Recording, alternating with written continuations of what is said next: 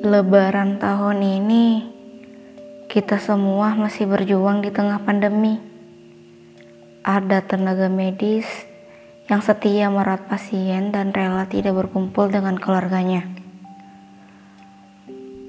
Ada anak rantau yang juga tidak bisa mudik tahun ini.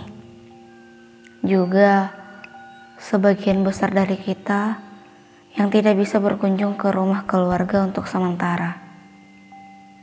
Di luar dari itu, ada hal yang paling patut untuk disyukuri.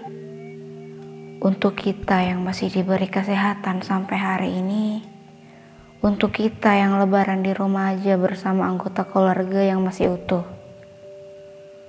Pernah kita berpikir bagaimana rasanya teman-teman kita yang tahun ini lewati Ramadan dan Lebaran tanpa sosok seorang ayah, tanpa sosok seorang ibu. Mereka yang lebih dulu pergi menuju ke kehidupan selanjutnya. Kita yang lebaran kali ini masih bisa menikmati opor ayam dan nastar favorit jauh lebih beruntung dibandingkan mereka yang sedang dalam kelaparan atau bahkan sedang berbaring di ruang isolasi.